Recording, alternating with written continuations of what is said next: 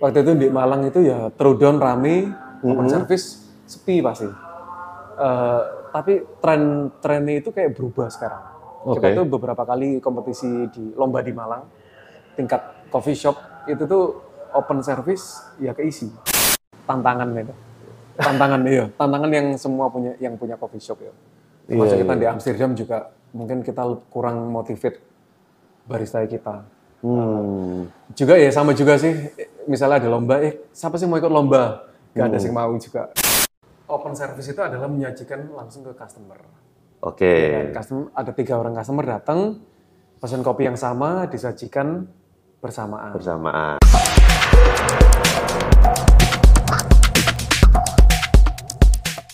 Ini dia Siva Raja yang ditunggu-tunggu. Apa kabar Pak? baik baik Baik, baik Pak. Oke.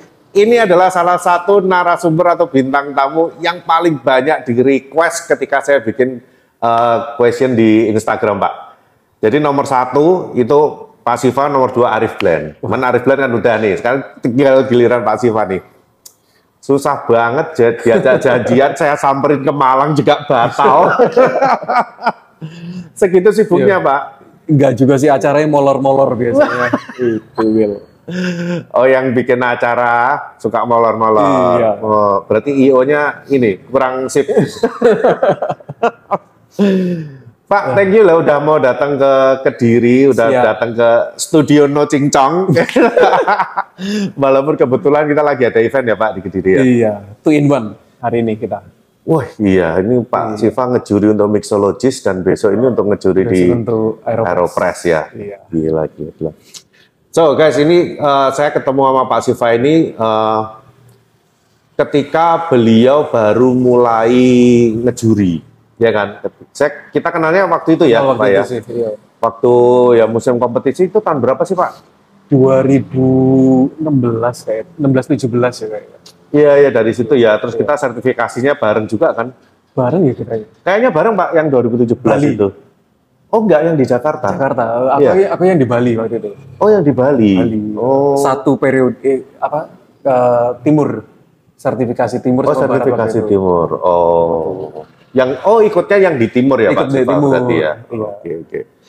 Nah eh, hari ini tuh saya juga ada topik ya yang memang udah saya simpan dan saya ini bingung Pak. Jadi siapa yang paling cocok yang eh, mau saya ajak ngobrol tentang topik ini Pak. Nah apalagi sekarang ketemu sama Pak Siva dan menurut saya Pak Siva ini adalah sosok yang paling pas untuk kita ajak ngobrol nih soal ini nih. Karena apa? Pak Siva ini udah sering ngejuri di mana-mana Pak.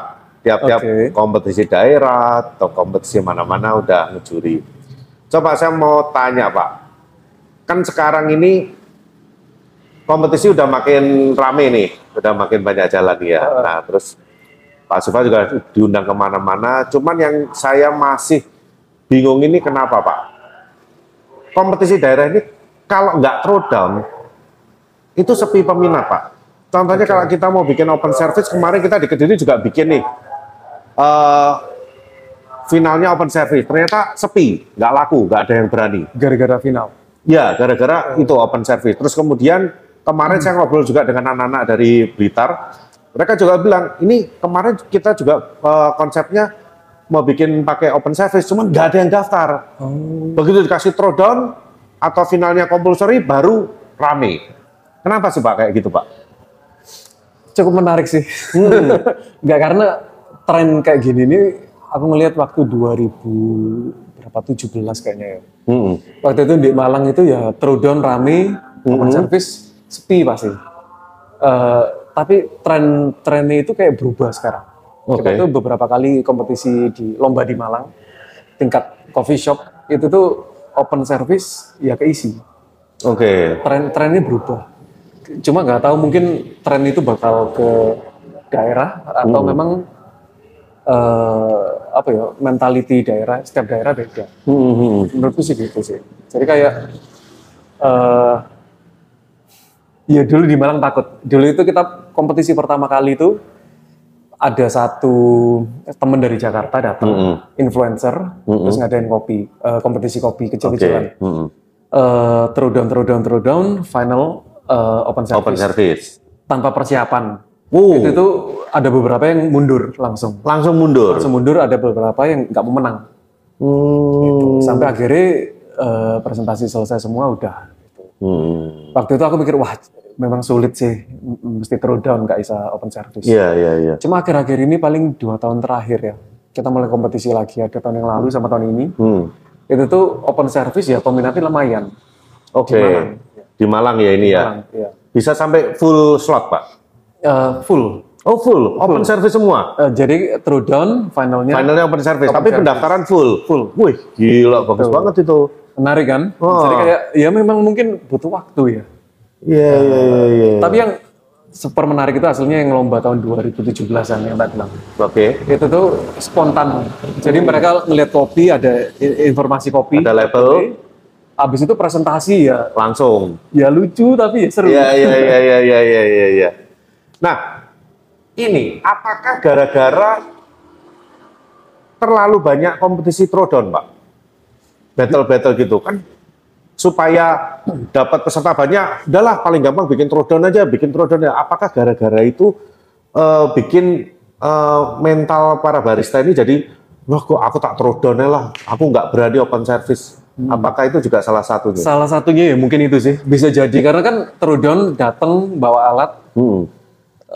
eh, nyeduh selesai. Hmm. Kalau open service kan Mikir, dipersiapkan. Iya, konsep, beans, Hmm, hmm. Musik, ya kan, sampai udah sambil musik. Jadi kayak persiapannya lebih banyak. Jadi mungkin eh, minim persiapan ya terus Iya, iya, iya, iya. iya.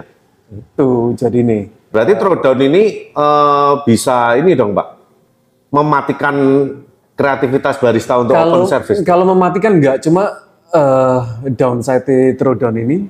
eh, kalau jago sama jago ketemu, Hmm. ya wis apes kan. Iya. Faktor luck-nya besar. Tapi kalau Iya. misalnya open service kan kualitas presentasi sama kopinya. Nah, yang kayak gitu kan, Pak, sebetulnya yang harusnya dinilai. Tapi makanya sampai kayak kemarin ini ya, eh, kita kan juga di Kediri juga sering bikin acara lucu-lucuan kan. eh, tiap bulan itu selebrasi ngadain tarkam-tarkaman itu, kompetisi tarkam itu. Nah, waktu itu diminta nih staff saya eh, suruh ikutan. Staff saya ini nggak pernah ikut kompetisi sama sekali, Pak. Heeh. Dan saya baru kasih tahu hari itu, udah kamu sama Gepeng disuruh ikutan. Terus di sana ngapain Pak? Ya udah nyeduh kayak di sini, nanti kopinya dari sana. Oh, aku bawa apa aja Pak? Terserah yang menurutmu nyaman buat nyeduh apa. Lalu dia bawa timbangan, bawa kettle, akhirnya dia nyeduh di sana. Sampai final Pak. sampai final. Nah. itu. Padahal itu eh, ibaratnya kan kalau throwdown ini kan skillnya ini antara kelihatan nggak kelihatan gitu Pak. Iya. Beda banget dengan open service ini kan benar-benar nunjukin skillnya si barista ini. Iya. Ya, yang dikhawatirkan itu apakah karena sering banyaknya throwdown ini akhirnya bikin barista ini jadi males gitu Pak? Iya, pertanyaannya sulit banget. Bingung ya Pak? Bingung, Iya. Eh, mungkin ada tahapan nih ya kalau menurutku ya. Hmm, Throwdown, open service tanpa presentasi, Mm-mm. ya, nyajikan tiga, time limit, terus habis itu baru presentasi. Mungkin ya. Iya, iya. Kita tuh pernah buat lomba di mana ya? Di Malang kalau nggak salah. Mm-mm. Itu ya gitu, eh, tanpa presentasi, tapi nyajikan tiga. Oh, Itu gitu. kayak stepping stone untuk ke open service mungkin ya. Oh, jadi jadi rules-nya dibikin lebih lebih soft. Iya. Nggak perlu harus sampai yang presentasi, tapi bikin tiga buat disajikan di depan Iya, juri gitu iya, ya. iya. Nggak usah ngel-ngel. Jadi eh, informasi kopi butuh tahu ini prosesnya apa ya udah selesai. Oh, jadi udahlah kasih info yang minim kayak gitu, it's okay, nggak nggak diwajibkan yang gimana gimana gitu ya. Ya tapi belum tentu juga ya Pak ya. Bakal ada yang mau, Mungkin mungkin ada yang mau. mungkin ya. Iya, tantangan lah, tantangan baru. Throwdown itu setiap kali lomba pasti ngelihat jago sama jago ketemu eh, dari pengalaman ngejuri ya. Itu antara dua kopi bener-bener low banget atau dua kopi itu bener-bener hasil ulikan. Jadi enak Oke. banget. Mm-mm. Dua-duanya ketemu, akhirnya kita mesti milih salah satu, yang satu hilang. Padahal dua-duanya itu kalau misalnya open service mungkin masuk final. Oh. Nah, terus eh, selain itu Pak ya, eh, gimana supaya kita bikin si barista sekarang ini ini minatnya lebih tinggi lagi untuk open service seperti itu pak. Iya. Tantangan itu. Tantangan iya. Tantangan yang semua punya yang punya coffee shop ya. Termasuk Iya, kita iya. di Amsterdam juga mungkin kita kurang motivate barista kita. Hmm. Juga ya sama juga sih. Misalnya ada lomba, eh siapa sih mau ikut lomba? Gak ada yang mau juga. Itu juga Iya ya. Oh. itu juga ada. Jadi kayak eh nggak kayak tiga empat tahun yang lalu ya. Tiga empat tahun yang lalu itu kan wah semua excited mau lomba. Iya, aku iya, mau iya, IBC, iya, aku iya, mau iya. ini. Ha, ha, ha. Sekarang kan nggak kayak gitu lah sekarang. Karena aku inget banget Pak, ketika eh, sebelum pandemi nih ya, sebelum pandemi ini ketika saya waktu itu kan lagi eh, mau bikin buku eh, tentang eh, lokal competition. Kan waktu itu saya cukup banyak eh, survei kompetisi-kompetisi lokal, walaupun bukunya nggak jadi terbit Pak, Oke. gitu. Eh, saya nggak saya terusin.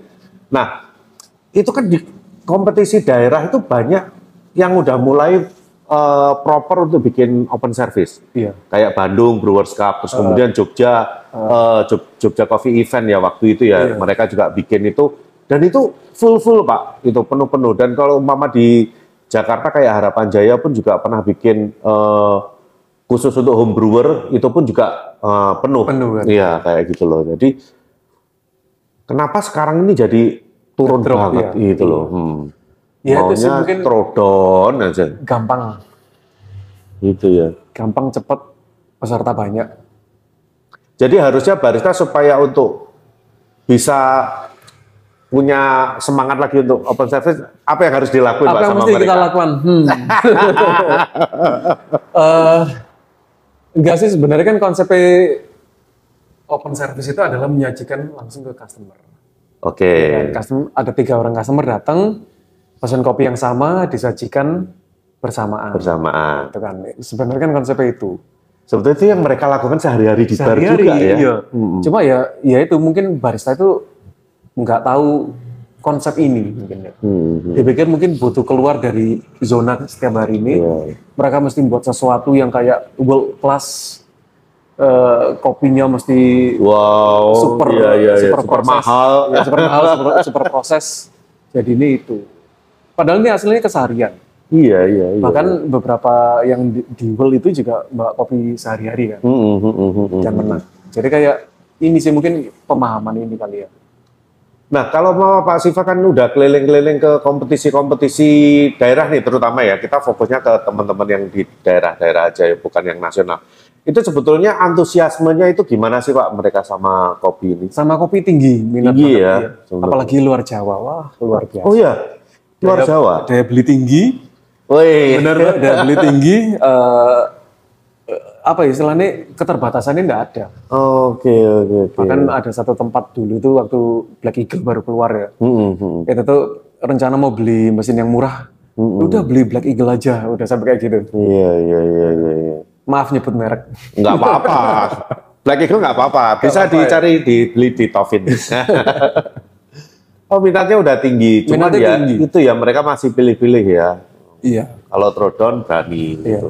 Terus mungkin selama pandemi itu banyak homebrewers. Hmm. Yang homebrewers mungkin eh, bisa nyeduh tapi kurang berani presentasi juga ya. Hmm, hmm, hmm. Mungkin eh, mungkin dua tiga tahun ke, ke depan tuh banyak homebrewers yang bakal ikut kompetisi kayak. Oke.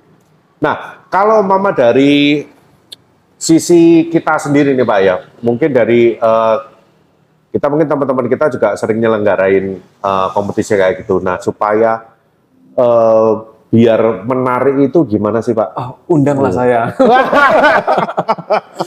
Guyon, guyon. Jadi kalau mau open service rame udah Pak Siva.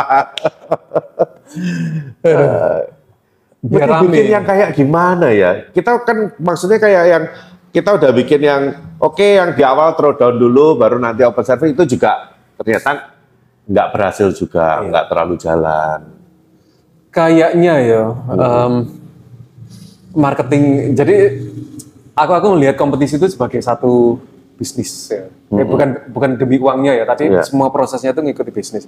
marketingnya mesti bener, eh, ngejual ke sponsor, misalnya nyari sponsor itu bener, Eh, produknya itu produk market, produk kompetisi ini sendiri juga bener gitu. Jadi kayak ketiga elemen ini mesti jalan. Hmm. Eh, seberapa sering sih ada dua kompetisi jalan, eh, dua-duanya buka, yang satu rame, yang satunya orang nggak tahu. Hmm. Elemen-elemen marketingnya ini juga penting. Gitu Kita ya. tuh bahkan eh, akhir tahun yang lalu tuh buat em, cupping, Oke. cupping kopi-kopi eksotis. Hmm. Kebetulan ada temen dari Kopi-kopi eksotis itu gimana maksudnya? kopi-kopi yang dipakai sama juara dunia Wih. kemarin di Malang. Kebetulan ada Zack dari Excel Coffee itu Oh. Malang Eh, datang bawa kopi-kopinya kita buat poster, poster acara. Em, poster acaranya itu kayak exquisite eh, kopi eh, coffee cupping, eh, champion coffee cupping kalau nggak salah bahasanya. Langsung dikasih link pendaftaran. Ah. Nah, dalam tiga hari itu sih daftar paling cuma tiga orang. Oh. Setelah posting digeber setiap hari, Heeh. diganti eh, akhirnya eh, material postingnya diganti, Hmm. Eh, posternya diganti. Mau nyoba kopi juara dunia, eh, Oh. ingat nggak? Iya iya iya iya iya.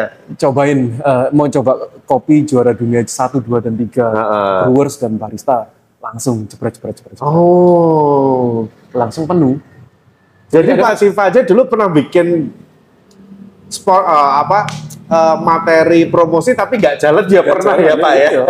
tak pikir apa apa yang dibikin Pak Siva selalu jalan. Eh, kita tuh marketing apa ya uji coba coba Oh. anda bisa kita coba B B nggak bisa A plus B kayak gitu Jadi pengaruh bahasa, pengaruh kata-kata itu juga ini ya. iya Mungkin karena bahasanya terlalu elegan orang juga nggak ngerti ini nggak tuh ngerti acara apa. iya ya itu Iya, Gitu. Iya, iya, iya. Oh sampai kaget tuh. Itu kalau nggak salah slotnya 30 orang. Em, waktu ngobrolin meeting Heeh. pertama ya, wah ini kayak bisa tiga, 30 orang tiga sesi. Wah, Bayangkan. Setelah tiga hari sing daftar tiga cuma orang. tiga orang. Ternyata bahasa marketingnya yang nggak marketing. jalan ya. Oh, menarik. Jadi menarik. ini full, kita full dalam kalau nggak salah itu berapa hari sebelum event itu penuh. Hmm, hmm. Jadi krusial bahasa-bahasa marketing Iya, lomba tarkam. Tarkam itu kan kata-kata baru di kopi ya. Hmm, hmm, hmm. Itu mungkin lebih kena ke orang-orang Iya, iya kan antar kampung Iya. ya. So jadi sebenarnya Amsterdam itu pun juga eh, kalau saya lihat ini ya kan memang Amsterdam ini kan salah satu eh, coffee shop, coffee roaster yang growth-nya paling cepat di Malang. Oke. Ya kan ini menurut saya nih ya yang langsung dalam beberapa tahun langsung naik. Berarti ini banyak ditunjang dari marketingnya itu ya Marketing, Pak ya. Bukan karena wah kopiku lebih enak dari yang lain gitu enggak ya? Enggak. Enggak aja. Masa? Enggak, enggak, enggak. Jadi kita jualan kopi yang sesuai sama selera kita. Kan di Amsterdam kan Iya, iya, iya. Cuma kan kita tuh bukan sing terbaik di Indonesia. Aku aku nggak mungkin iso klaim kopi kita Betul. terenak dan terbaik. Karena pada akhirnya selera. Betul. Nah, yang membedakan itu asli ini marketing. Hmm. Marketing itu kan konsepnya bawa gimana cara bawa orang bisa datang ke tempat kita. Hmm. Terus habis itu kalau produknya nggak mendukung, ya nggak bisa lagi. Hmm. Orang datang coba pulang. Ngomong, wah tempatnya gak enak. Nah, tapi ketika Pak Siva bikin eh, menu cappuccino ya, 10.000 ribu ya, Iya. Pak nggak dimusuhi sak Malang Pak. Enggak sih, kan inti inti usahanya itu kan aslinya kita tuh aslinya Amsterdam itu roastery Mm-mm. yang nggak sengaja jadi cafe. Oke, jadi set up awalnya itu roastery dulu. Kita tuh dulu cafe itu hari Senin sampai Sabtu jam 5 sore tutup. Itu tuh setup Oke. di Amsterdam. Karena kita roastery, roastery jam 5 sore satu shift selesai. Ya. Eh, akhirnya akhirnya kafenya mulai rame jam 7, jam 9, sekarang jam 10. Hmm. Itu. Jadi jadi kafe beneran ya. Jadi kafe beneran. Oh. Nah, roastery otomatis kita punya kita udah nyiapin budget untuk sampel. Mm-hmm. Orang datang ya cobaan kamu cupping mau tak jadi cappuccino ya silakan. Itu free. Dulu itu Amsterdam itu bayar sukarela. Oh.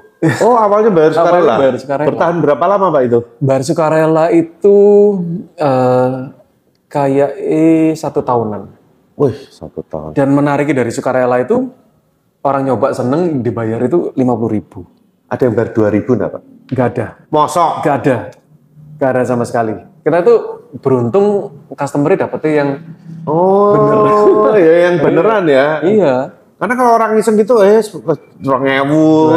2000. kita kita nggak pernah hampir nggak pernah nggak pernah sama sekali gitu.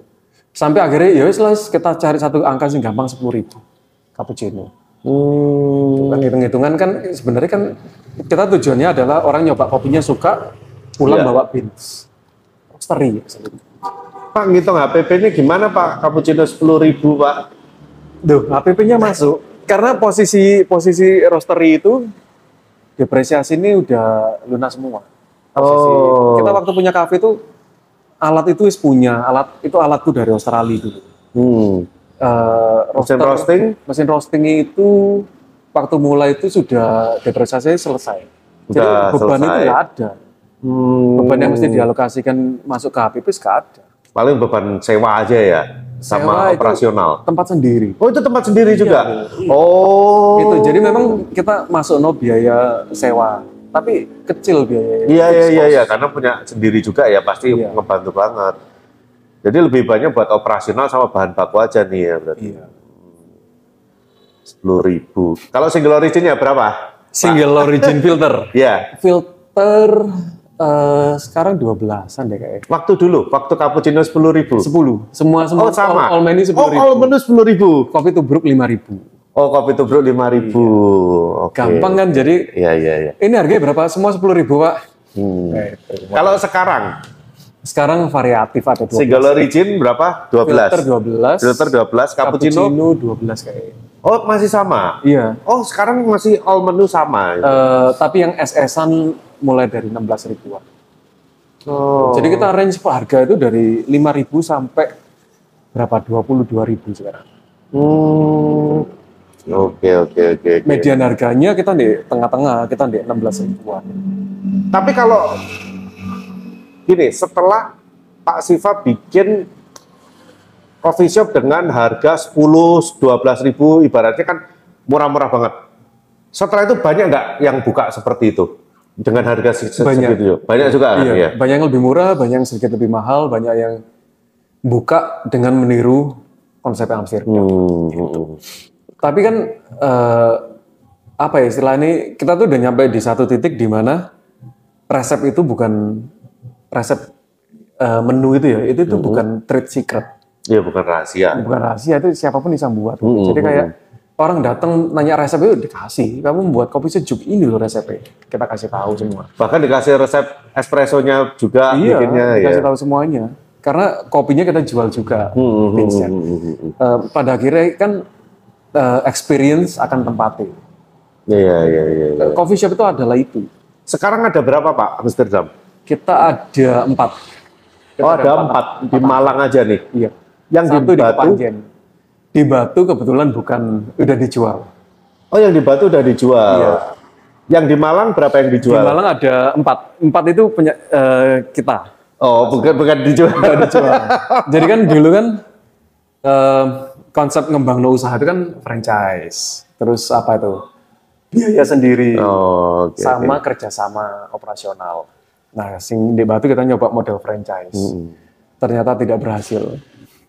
Oke. Akhirnya dijual. Terus yang lucu ini ya, saya ini kenal Pak Siva ini image yang diberikan Pak Siva ini orangnya ini kalem, diem, nggak terlalu banyak ngomong, low profile, ya kan?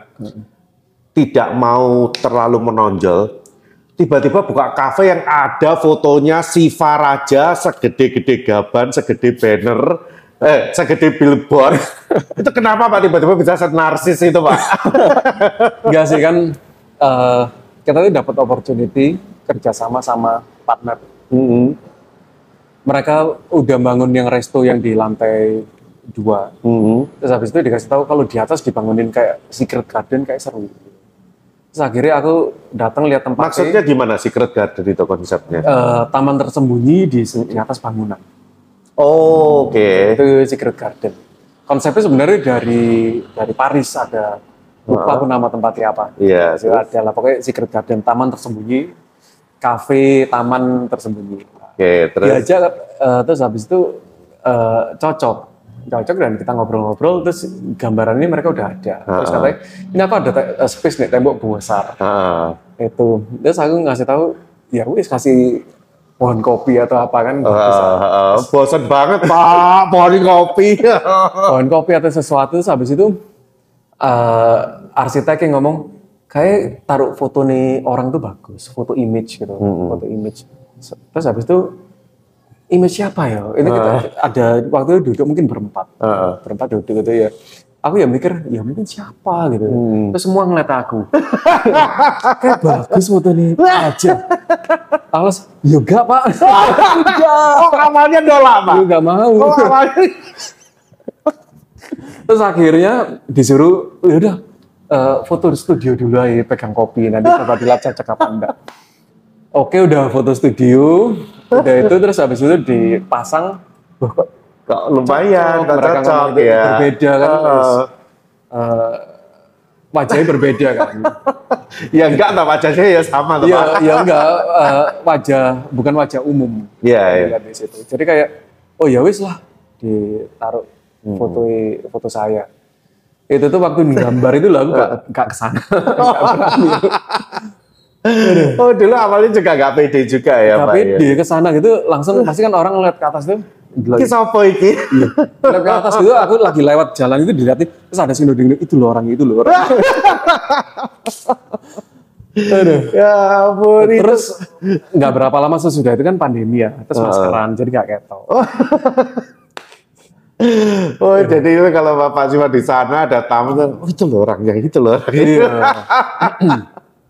Iya. itu saya kan juga tahunya kan dari Instagram kan Ah, siapa waktu itu pada ngepost ya gila pasang foto diri sendiri buset Pak Siva kok ya narsis ya Serem sih. tapi it's a good marketing tools juga ya ternyata ya bikin In a way, sesuatu iya. iya Nah. jadi menarik Iya, personal brandingnya juga tiba-tiba kena. iya iya Eh, dulu sing nama Siva Raja nggak nggak rame, tiba-tiba orang tahu gitu. Hmm. Jadi kayak ya ya dulu orang tahunya kan Amsterdam Amsterdam. iya si Farajanya yang tahu hanya orang-orang kopi Iya. Dan sekarang kan juga waktu itu kan Pak Siva kan nggak punya IG pribadi, cuman hanya punya Amsterdam Amsterdam, itu. iya. Terus sekarang udah punya Pak IG pribadi Pak? Udah, baru barusan buat. Dua hari yang lalu teman-teman, tolong di follow. Ya, saya, saya juga baru follow, baru dikasih tahu hari ini. Sekarang Pak Siva punya IG pribadi ya, namanya @sivaraja.id. Nah, silakan di follow. Nanti kalau masih bingung kita tampilin di screen nanti sivaraja.id di follow biar banyak followernya. Postingannya masih baru dua. Kenapa Pak akhirnya memutuskan ini? Karena beberapa kali mau posting itu nggak relevan sama Amsterdam. Jadi kayak yang nanem pepaya di rumah masa dimasukin di Pak, nanam pepaya di rumah ngapain mau diposting Pak? Apa yang mau dipamerin Pak? bangga kan dari tanaman kecil gitu, cuma berapa 5 cm. Oh, gitu. Tiba-tiba jadi tinggi gitu. Oh. Pepaya, wah manis. Pepaya apa sih namanya? Pepaya Spanyol apa apa gitu. Oh, beda Manis. varietas ini ya.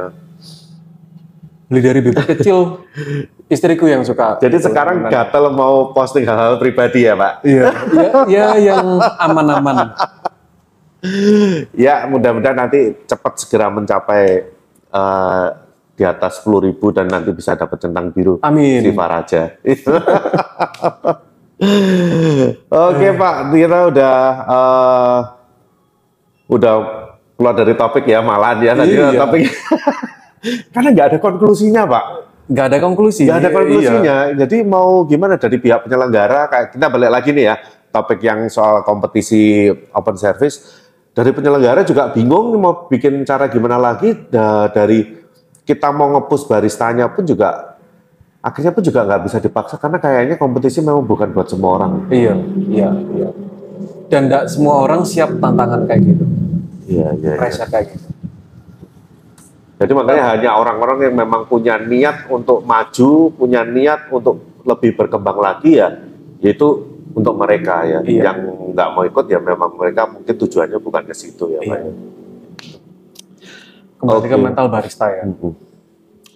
Terus Eh, sebelum kita closing, Pak, mungkin Pak Siva ada yang mau diklarifikasi. Nggak ada. Oh, nggak ada, Pak ya. Ini ya, Pak ya, minim konflik ya, Pak Minim Siva. konflik. Iya. Hidupnya aman-aman, nggak ada gosip-gosip, nggak ada isu-isu. Jadi kalau ngobrol sama Pak Siva ya hal-halnya positif-positif semua. Jadi jangan berharap ada gosip-gosip miring-miring itu susah sama Pak Siva. Aman orangnya. Pak ini udah musim kompetisi udah mulai lagi, sering-sering ngejuri lagi, terus kemudian eh, sertifikasi World juga udah kan ya, Pak Siva kemarin juga udah ngejuri juga di Melbourne ya. Melbourne.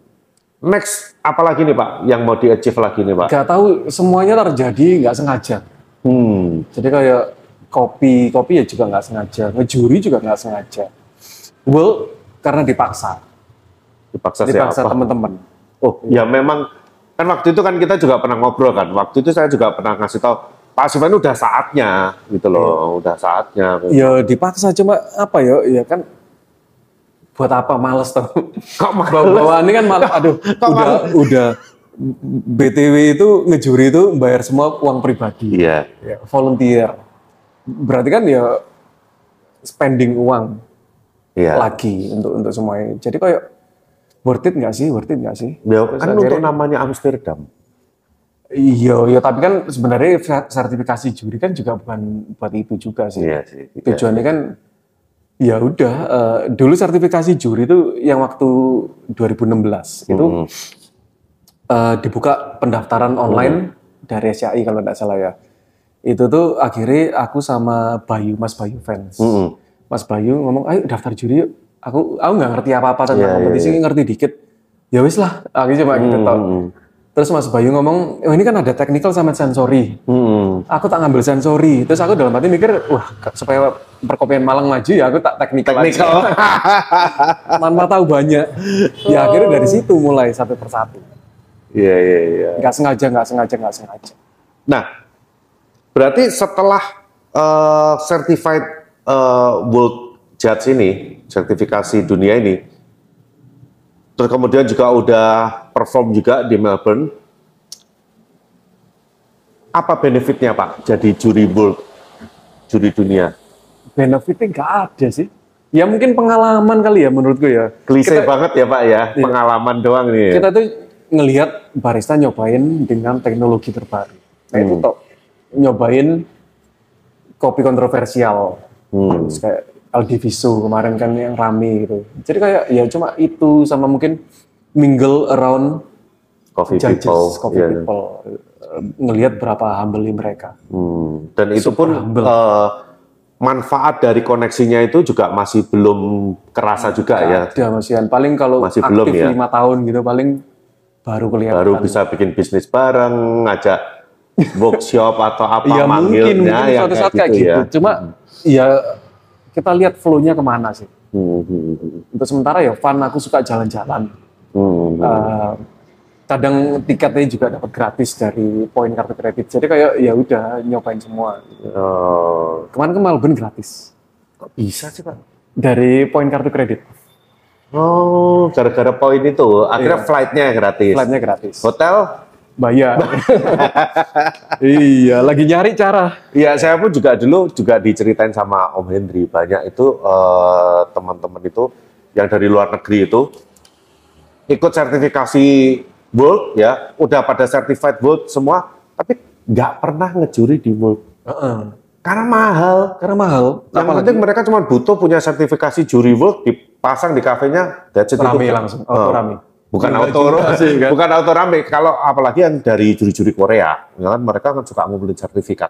Hmm. Itu butuh sertifikat dipasang, ya udah, nggak perlu harus sampai perform di World karena memang biayanya tinggi Biaya banget. tinggi, mahal. iya.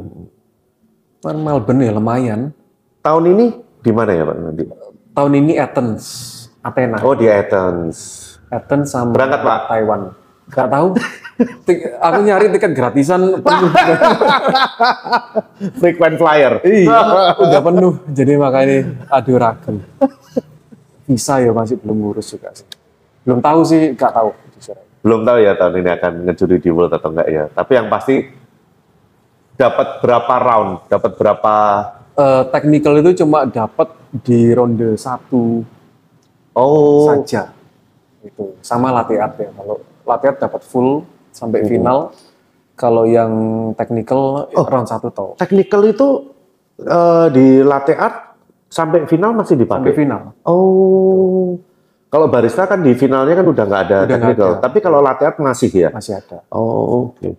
Berarti di World pun juga ini ya, sedikit banget ya sekarang technical ya. Technically lumayan kok kemarin, lumayan banyak. Lumayan banyak ya berarti. Oh, peminatnya udah banyak lagi nih ya. Iya. Karena waktu itu saya juga sempat dengar di World ini memang technical ini dibutuhin banget karena makin sedikit orang yang Oh iya, iya kalau mungkin secara total mungkin iya sih. Hmm, Cuma pas kemarin di Melbourne ya lumayan banyak. banyak ya. Indonesia apalagi kekurangan banget. Iya. Pak Siva pengen jadi sensori ditarik terus di technical. Pindah sensori. iya. Nggak ada yang ngasih izin, Pak. Boleh ngambil sensori, tapi technical tetap harus ini, tetap harus ikut. Karena headset headset itu ya, kalau udah ada Pak Siva ya, ada males Pak, udah percaya tok. so hati-hati ya kalau teman-teman yang kompetisi di juri teknikal sama Pak Siva, hmm, ya, ya, ya, ya. Oke Pak, Eh, kayaknya kalau ngobrol sama Pak Siva ini satu jam aja nggak cukup Pak. Wih, Nggak cukup Pak. Jadi eh, kayaknya memang karena ini juga durasi buat podcast ya, saya juga nggak bisa lama-lama. So tapi saya yakin next kita pasti akan bikin part 2 lagi. dua. Kita akan ngomongin topik yang lain, ya kan? Tadi to- opening kita topiknya adalah tentang barista open service. So next time mungkin eh, mungkin dari teman-teman ada yang mau request ya, mau topik apa yang akan kita obroli dengan Pak Siva Raja pada part 2 nanti ya, karena mungkin ini masih kurang banget lah. Kalau ngobrol sama Pak Siva ini nggak ada habisnya ya memang. Oke, ada yang mau disampaikan Pak buat barista-barista yang supaya agar mau open service? Apa ya, jangan takut malu, selalu mencoba. Eh, jangan putus asa. Selalu mencoba, selalu ada jalan. Aku dulu waktu pertama kali ngejuri juga gitu, eh, salah ini, salah itu, salah ini, salah itu, tapi kalau misalnya mental, mentalnya langsung down, ego langsung tinggi ya, gak mungkin sampai di titik ini. Oke, oke. Tapi ya waktu salah ya belajar lagi, cari Nah. tahu kenapa, caranya gimana. Setuju, setuju. Dari situ ya para barista juga mesti kayak gitu. Oke. Dan Pak Siva sendiri adalah contoh dari apa yang dikatakan oleh Pak Siva barusan. Walk the talk. Ya kan? Iya. Pak Siva menyampaikan ini jangan takut ya. Ini yang dialami sendiri juga sama Pak Siva selama ini sampai bisa mencapai achievement sampai hari ini ya Pak ya. Heeh. Oke, thank you Pak. It's an you. honor ya udah datang ke studio No Cincong. No Cincong. studio yang ya kayak gini aja. Karena no cincong is yes cincong. Mulai ngantuk. Oke Pak, thank you ya Oke. for coming ya. Let's close this. Oke teman-teman, uh, thank you udah menonton episode kali ini bersama Pak Siva Raja dan sampai ketemu lagi di episode berikutnya. Salam No Cincong.